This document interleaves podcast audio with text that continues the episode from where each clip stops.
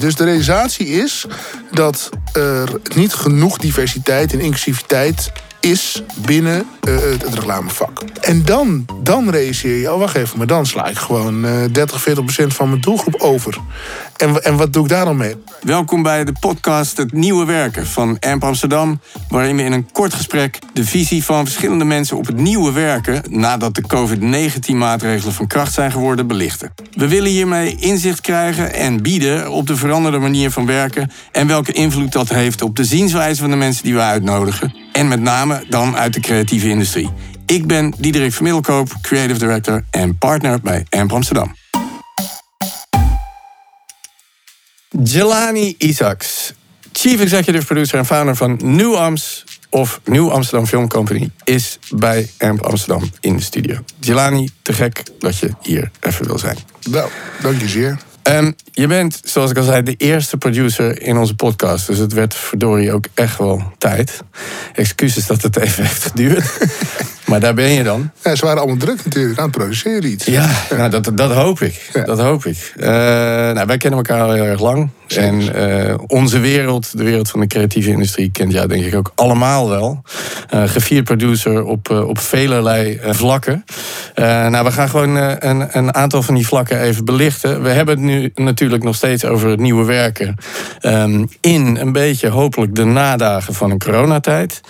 Volgens mij zitten we qua vaccinaties vandaag, wat is het, uh, 28 mei, 27 mei? Ja, ik zit, ik zit op de helft van de oh, ja. vaccinaties. Oké, okay, ja. ja. precies. Nee, ik, ik moet nog, maar volgens mij uh, hebben we er in Nederland nu zo'n 8,5 miljoen gehad. Dus het begint, begint ergens op te lijken. Maar ik denk dat we wel kunnen stellen dat het pandemicjaar voor productiemaatschappijen bijna zonder uitzondering uh, best zwaar is geweest.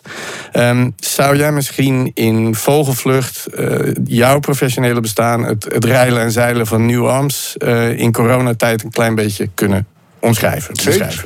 Met liefde. Um, nou, het is wel interessant wat je zegt, het nieuwe werken. En wij hebben eigenlijk uh, ja, begin van dit jaar definitief besloten om uh, ons brand uh, tweeledig te maken. Dus wij zijn Nieuw Amsterdam Film Company altijd geweest. En sinds begin van dit jaar zijn we ook Nieuw Amsterdam Cultural Creative Agency. Ah, cool. Uh, en dat is wel een scoop. Maar Um, Jullie zaten wel al een beetje op het, het op het snijvlak van. Zeker. Okay. We zaten op het snijvlak. En dat kwam eigenlijk, uh, dan ga ik even terug in de tijd, twee, drie jaar, dus nog voor corona, uh, uh, zijn we begonnen aan het produceren van een speelfilm die al een paar jaar bij ons in de pen zat, De Oost geheten. Ja. En die film die trok best wel een wissel op ons bedrijf. we verloren ondertussen twee dierbare vrienden en collega's ja, ja. Aan, aan verschillende dingen. En, maar we realiseerden ons ook dat we, doordat we de hele tijd bezig waren met cultuur maken, uh, uh, voor uh, specifieke groep mensen. Dat we ook steeds dichter bij de kern kwamen van wat die doelgroep dan zou willen mm. zien en ontvangen. En dat maakt het makkelijker om daar goede communicatie voor te verzinnen. Dus het is voor ons ook steeds logischer dat wij communicatieadviezen gingen. Oh, dus naarmate je eigenlijk als uh, filmproducent meer in een cultuur als het ware onderdompelt, begint je messaging en de boodschap die je daarmee zou kunnen vertellen, dus ook sterker te worden. Exact. En, ah. en daarmee voelden we ook de noodzaak voor onszelf om daar iets strakker in te gaan opereren. Omdat mm. als er één ding is wat in dit vak niet wordt geapprecieerd, is een soort van wishy-washy. Yep. Een beetje van dit, een beetje van dat. Ze willen uh, dat je een keuze maakt in wat je het beste kan. Dus we hebben uh, gezegd, oké, okay, nou dan de filmtak blijft de filmtak, daar doe je niet zoveel aan. Maar de, de, de, de reclametak, zeg maar, die gaat zich voornamelijk op merken focussen. Oké. Okay. Um, nou, toen uh, uh, we dat ja, in de stijgers hadden gezet, toen, toen overleed Zwier. Ja. En toen zaten we eigenlijk weer uh, uh, terug in de rouw en terug in een, in een zoektocht naar hoe we dat dan weer gingen optuigen. Giuseppe was al een tijdje creatief directeur bij ons. We wilden hem heel graag versterken met een, uh, met een tweede. En dat zou weer dan zijn geworden. Toen heeft Fabian Saptu, XD ook, ja. heeft dat een hele tijd voor ons gedaan.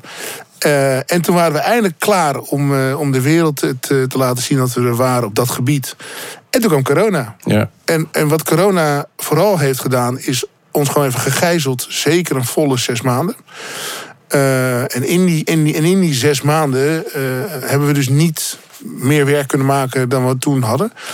en dat had consequenties. De consequenties had dat we moesten terugscalen. Dat de consequenties had dat we niet met grote tom -tom naar buiten konden.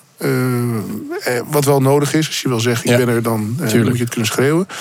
Nou, en dat, dat hebben we eigenlijk ja, tot het einde van 2020 wel moeten uh, ervaren. Ja. Daar kwam bij dat we drie hele grote projecten op stapel hadden staan, waaronder dus de Oost.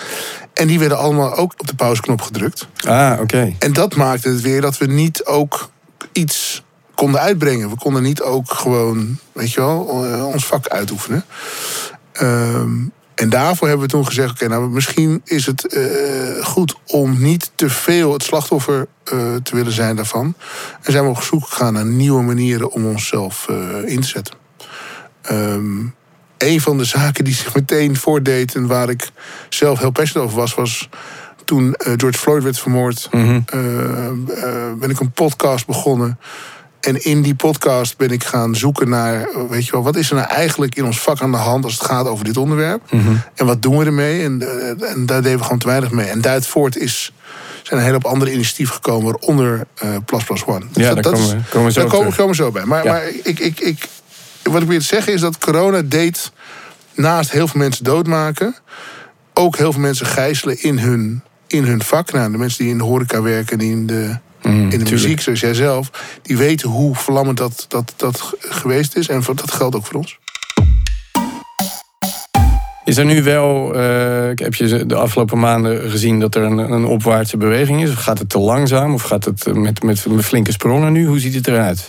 Uh, nou, Waar ik heel trots op ben, is dat de, de, de producersvereniging... en dan heb ik het even niet over de commercial producers... maar over de filmproducervereniging... die hebben heel hard gewerkt aan een protocol vorig jaar.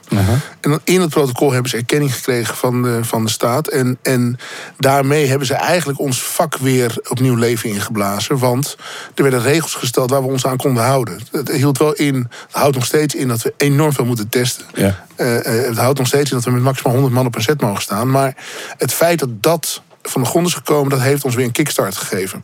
En, en gelukkig, en dat, is maar, weet je wel, uh, de projecten die op pauze stonden, die kwamen weer uit pauze. Dus uh, naast de Oost uh, waren, zijn we gevraagd om twee afleveringen van Atlanta te produceren. Ja. Nou, dat, dat, die mensen belden opeens weer. hey, we horen dat jullie een protocol hebben. Kunnen we draaien? Ja, ja. ja we kunnen draaien. Weet je wel? Dus alles begon weer langzamerhand in beweging te komen.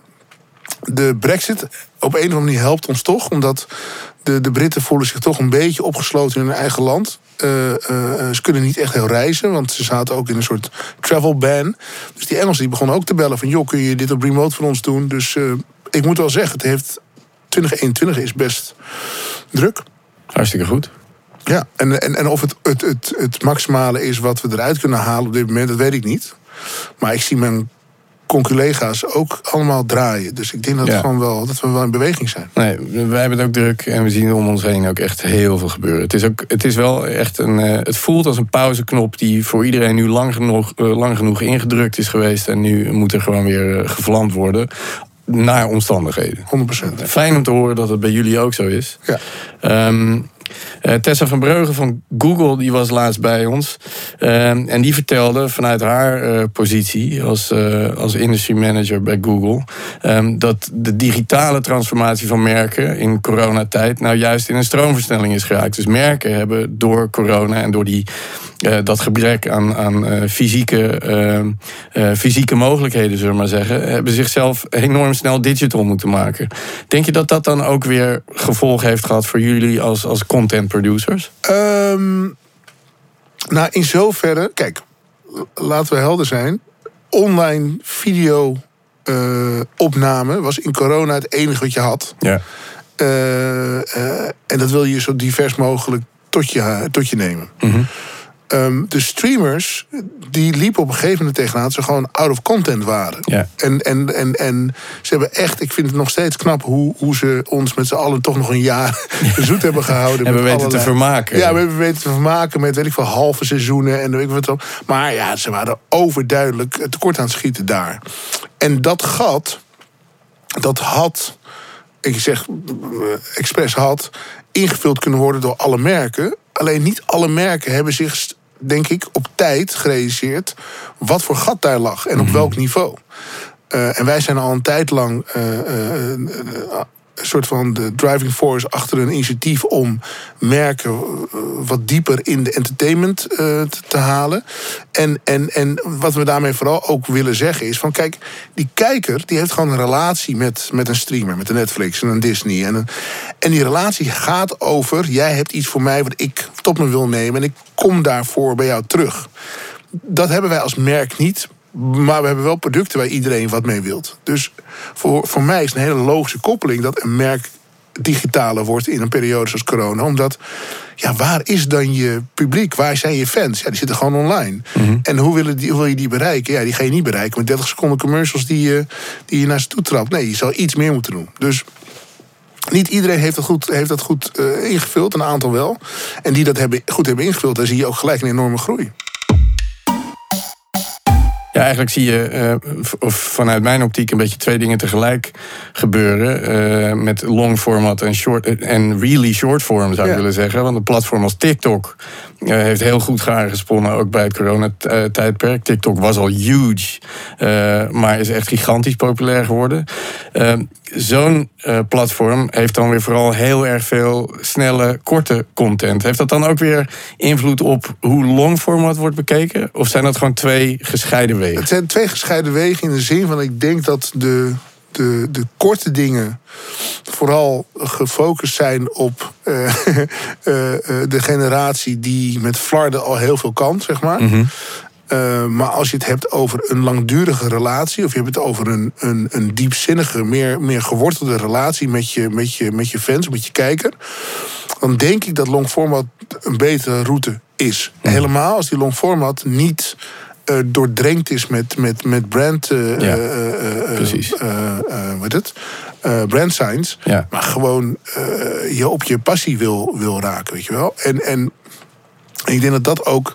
Ik, kan me, ik, kan me, ik weet niet of je dit nog kan herinneren. Er is een film die was vroeger als Demolition Man. En dan wordt Sylvester Stallone wordt soort van wakker in de toekomst. En dan mhm. zijn de jingles op de radio zijn de muziek geworden. Ja. Nou, dat is een beetje de, de, de Twilight Zone waar we denk ik nu in zitten. Dat ja, in, Het zou in wezen professioneel gezien mijn Walhalla zijn natuurlijk. Ja, want dan ben ik de hele dag alleen maar jingles aan het maken. Maar ik, ik snap dat het voor een samenleving niet per se wenselijk is. Nee, nou ja, ik denk dat het eh, ons uh, uh, zombies is een groot woord, maar ik denk het wel dat het ons mentaal verlamt. Ja. Om elke, weet ik wat is het, zes seconden of elke twaalf seconden te moeten wisselen van, van impuls. Um, dus daarom is het soms verfrissend om gewoon te zeggen: weet je wat, we maken iets wat langer duurt. Uh, waar meer substance, meer inhoud op zit. Maar waar vooral uh, iets of iemand, of wij met z'n allen mee geholpen zijn. Ja. Dus niet alleen maar pulp, maar ook gewoon inhoudelijk sterke dingen. Ja, ik denk dat ik daar wel een bruggetje kan maken naar uh, cultuur en hoe belangrijk die dan is. Je hebt uh, een interview met Floris Hulsman van uh, Namarama gezegd dat merken iets kunnen leren van de vlucht die hip-hop bijvoorbeeld als culturele invloed door de tijd heeft genomen. van een niche muziek naar de mainstream van nu met invloeden in alle hoeken van de samenleving.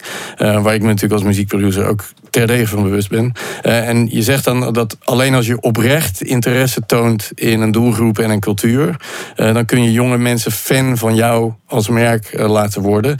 Hoe ver denk je staat de huidige marketingcultuur hier nu nog vanaf?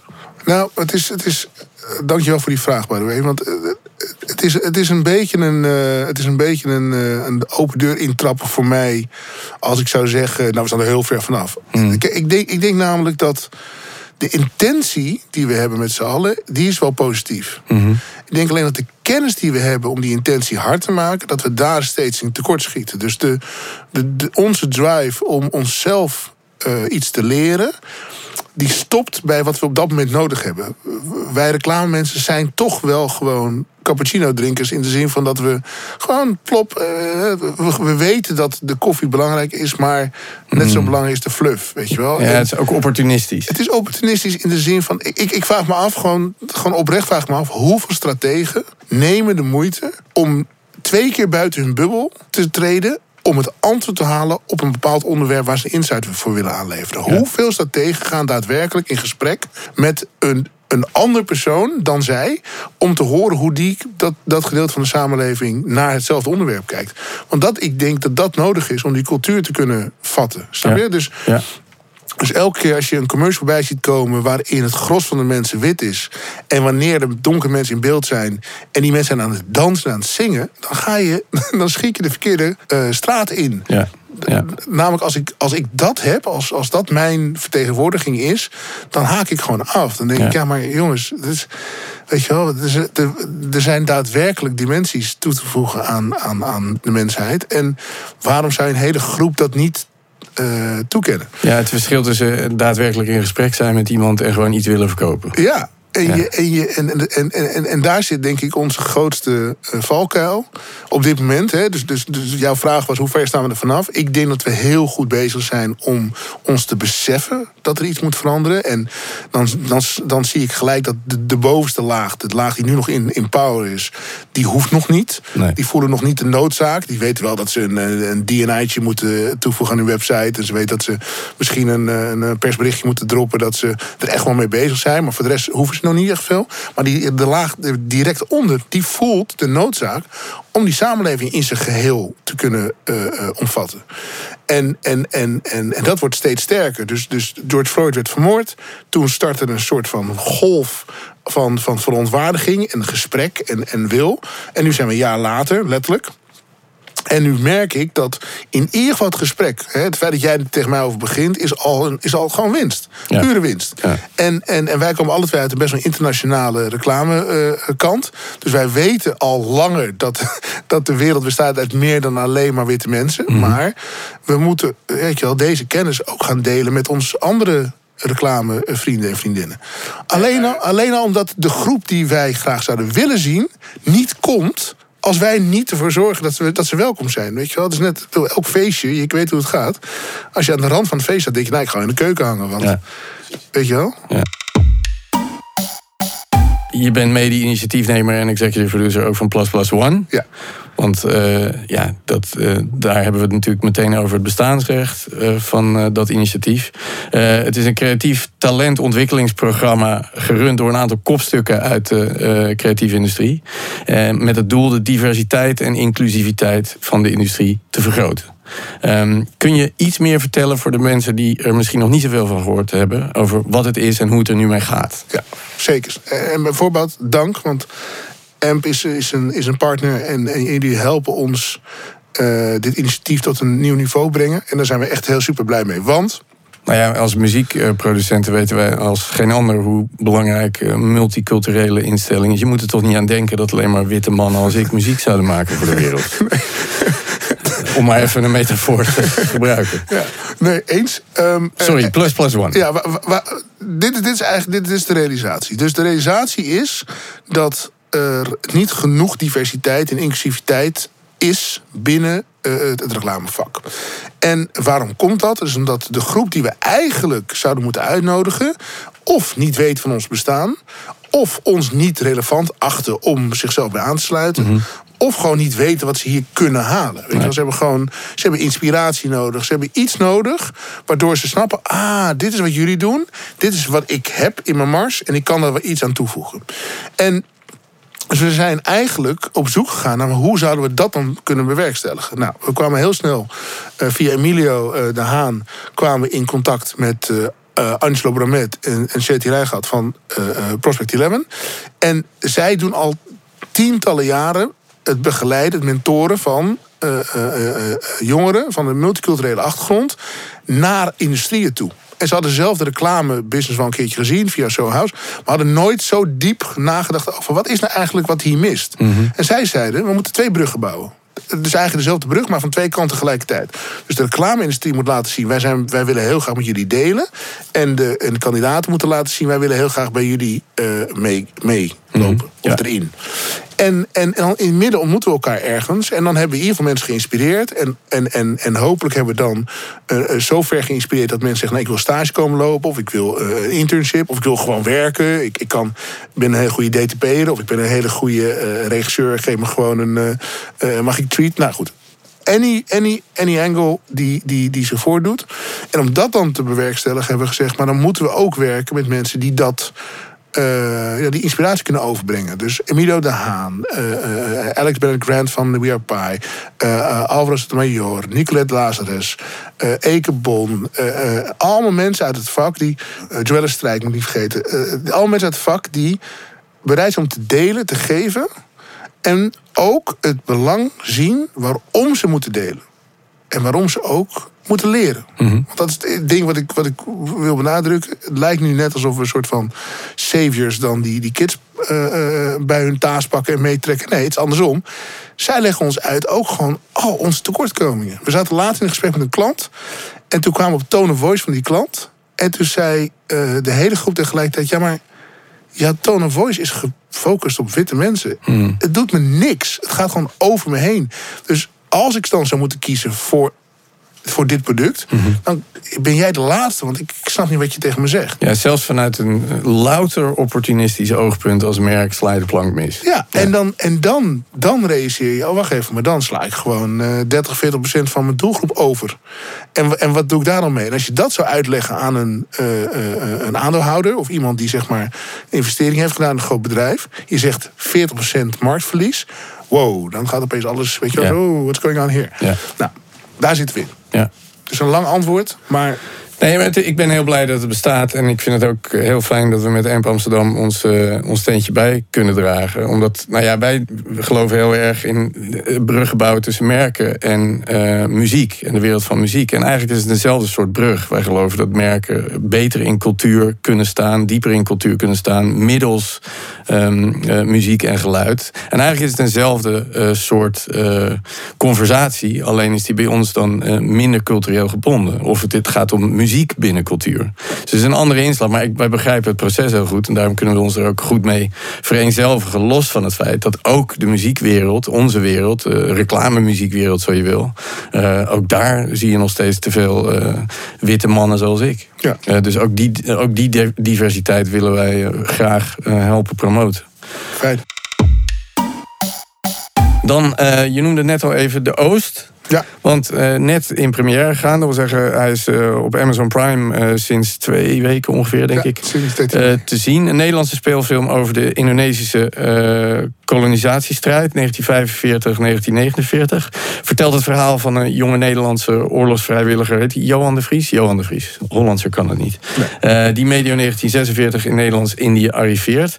Ehm, net in première gegaan op Amazon Prime. Kun je iets zeggen over het maken van de film nu de reacties? Ja, zeker. Um, de film is geregisseerd door Jim Taihutu. Uh, Jim is uh, Molux mm qua afkomst. En um, bijna zeven jaar geleden besloten hij en, en Julius Ponte, producer, van oké, dit, dit, dit, dit gaan we maken we gaan een, een, een, we gaan een curve inzetten om dit verhaal te vertellen. Maar wat we weten nu al is dat wat we gaan vertellen... is een stukje geschiedenis die voor vele Nederlanders onbekend is. Dus mm. we zullen iedereen moeten helpen om uh, erbij te kunnen komen. Hè? Dus, dus, als je het heel erg highbrow zou maken, je zou een soort van, bij wijze van spreken, een soort vrij Nederland-achtig uh, film maken, dan, dan, dan gaat 80% van de mensen gaat gewoon niet daar willen komen. Want why would they? Mm dus er moet iets in zitten waardoor mensen snappen... oh, wacht even, dit is een, een filmfilm, die kan ik tot me nemen... en dan ga ik ondertussen misschien nog wel over dingen nadenken. Nou, zo gezegd, zo gedaan. Dat script is dus research gestart, is een script geschreven... Uh, Jim samen met Mustafa. En eigenlijk ging alles voorspoedig. Natuurlijk, elk, elk filmproces is, is ingewikkeld, maar inhoudelijk ging het allemaal voorspoedig. En productioneel ging het zelfs voorspoedig. En toen klapten we eigenlijk, de eerste keer dat we tegen de muur aanklapten, was toen de Indonesische overheid de filmvergunningsaanvraag zag. En het opmerkelijk vond dat er 140 witte jonge jongens in een vliegtuig waren, zouden gaan springen. om bij hun op, het, op, ah. op Indonesië een film te komen opnemen over de onafhankelijkheidsoorlog. waar ze zelf slachtoffer waren mm. uh, geweest. Dus die zeiden van, yo, wacht even, wat gaan we dan precies doen? Nou, dat, dat, heeft, dat heeft ons bijna nou, ik denk zes maanden uit onze productie geduwd. Nou, toen dan... Uh, wel een begrijpelijke vraag. Een hele begrijpelijke vraag. En, en, en, en dat is ook wel puur... Uh, kun je ook onderdrukken hoe, hoe stuk we zijn. Want ondanks het feit dat wij, en dan voornamelijk Jim...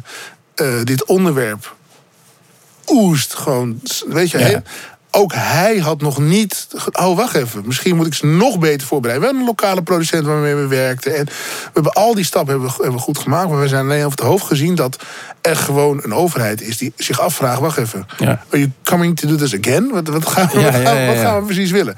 Nou, dat heeft ons een half jaar uit onze spanning gedrukt. En, uh, uh, en de consequentie was dat er allerlei andere zaken uh, wankel werden. Want. Uh, regenseizoen kwam erbij. En allemaal, dus we gingen.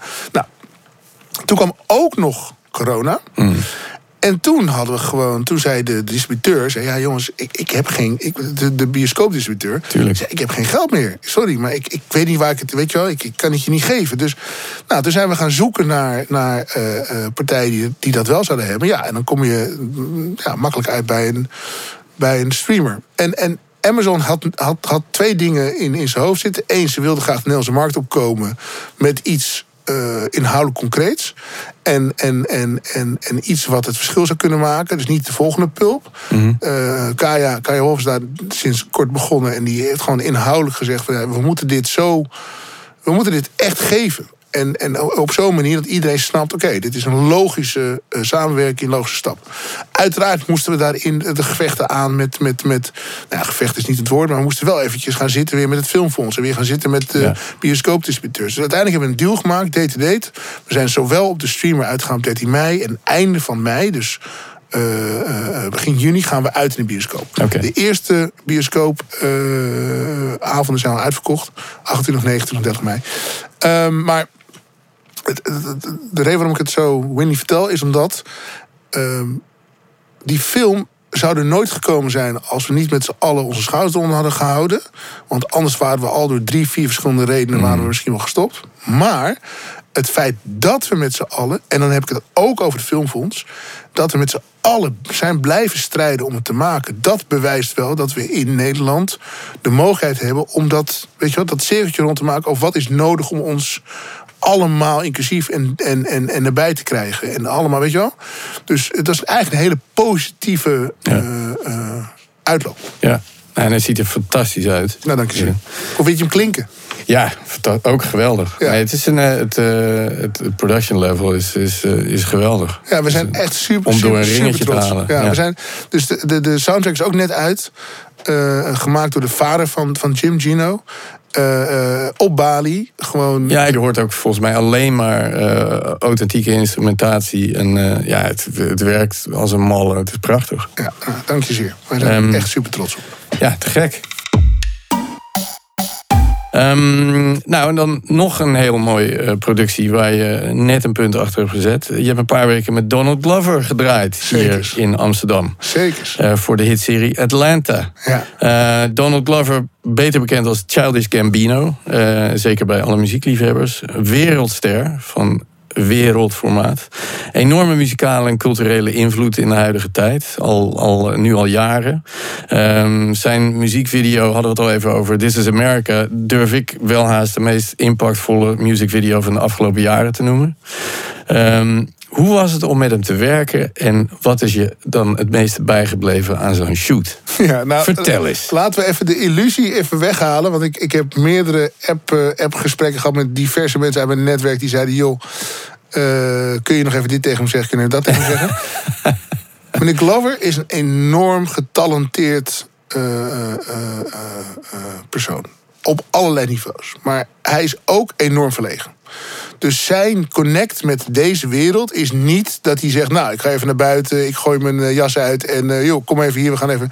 Dus de, de momenten dat, dat, dat, dat we samen iets konden delen, had vooral ook te maken inhoudelijk. Want hij is niet alleen maar de, de, een acteur in de serie, maar hij is ook uh, co-regisseur en hij is ook schrijver en producent. Dus hij is enorm betrokken. En dit team, de, de, de, hele groep, is al vanaf seizoen 1 samen. Ze zijn nog nooit uit elkaar geweest. En inmiddels zijn ze allemaal bijna Marvel-sterren. Dus supersterren. Dus ze hebben ook allemaal een soort nieuwe status. Maar voor Atlanta komen ze weer terug naar hun kern. En zijn ze weer die groep waar ze toen ooit mee begonnen. Wat te gek. En super getalenteerde ja. uh, actrices en acteurs. En, en, en hun team eromheen is ook waanzinnig. Maar dit is en blijft een Disney-project. Dus het budget is out of, out of the world groot. Mhm. En daarmee komen ook alle verzoeken, alle ja, wensen komen daar, worden eraan gekoppeld. Dus ik weet niet, bij jullie tegenover hebben we volgens mij twee dagen gestaan met een uitlichting van een straat die we vervolgens een uur hebben gebruikt. Dat soort dingen, dat, dat, en, en, en dat vind ik dan als producent leuk. Uh, uh, dat, dat, dat, dat we dat kunnen en dat we daar ik wel, goed genoeg voor zijn, om het mm -hmm. zo te zeggen. Maar tegelijkertijd probeer ik dan ook te zoeken naar onze plek als inhoudelijk producent. Omdat we zijn niet de service producer mm op deze club. We zijn de co-producer. Want wij co-produceren deze twee afleveringen. Financieren ze ook uh, mede. Dus, dus het is best wel een, een, een hele interessante ontwikkeling. En dan, ik sluit hem af, namelijk met... De Oost is voor ons een stap in het creëren van bewustzijn over ons koloniaal verleden. En Atlanta is voor ons een stap om aan te raken wat er mis is met uh, systematisch racisme. Wat er mis is in het systeem zelf. En dat is enorm rewarding. Dus op een of andere manier voelden wij, oh wacht, we werken echt mee aan een soort van bewustzijn die, die boven ons allen uitstijgt, mm weet je wel? Ja. Uh, en daar zijn zij al jaren mee bezig. Daar zijn ze gewoon echt volleerd in. En wij hebben daar gewoon van mee kunnen genieten.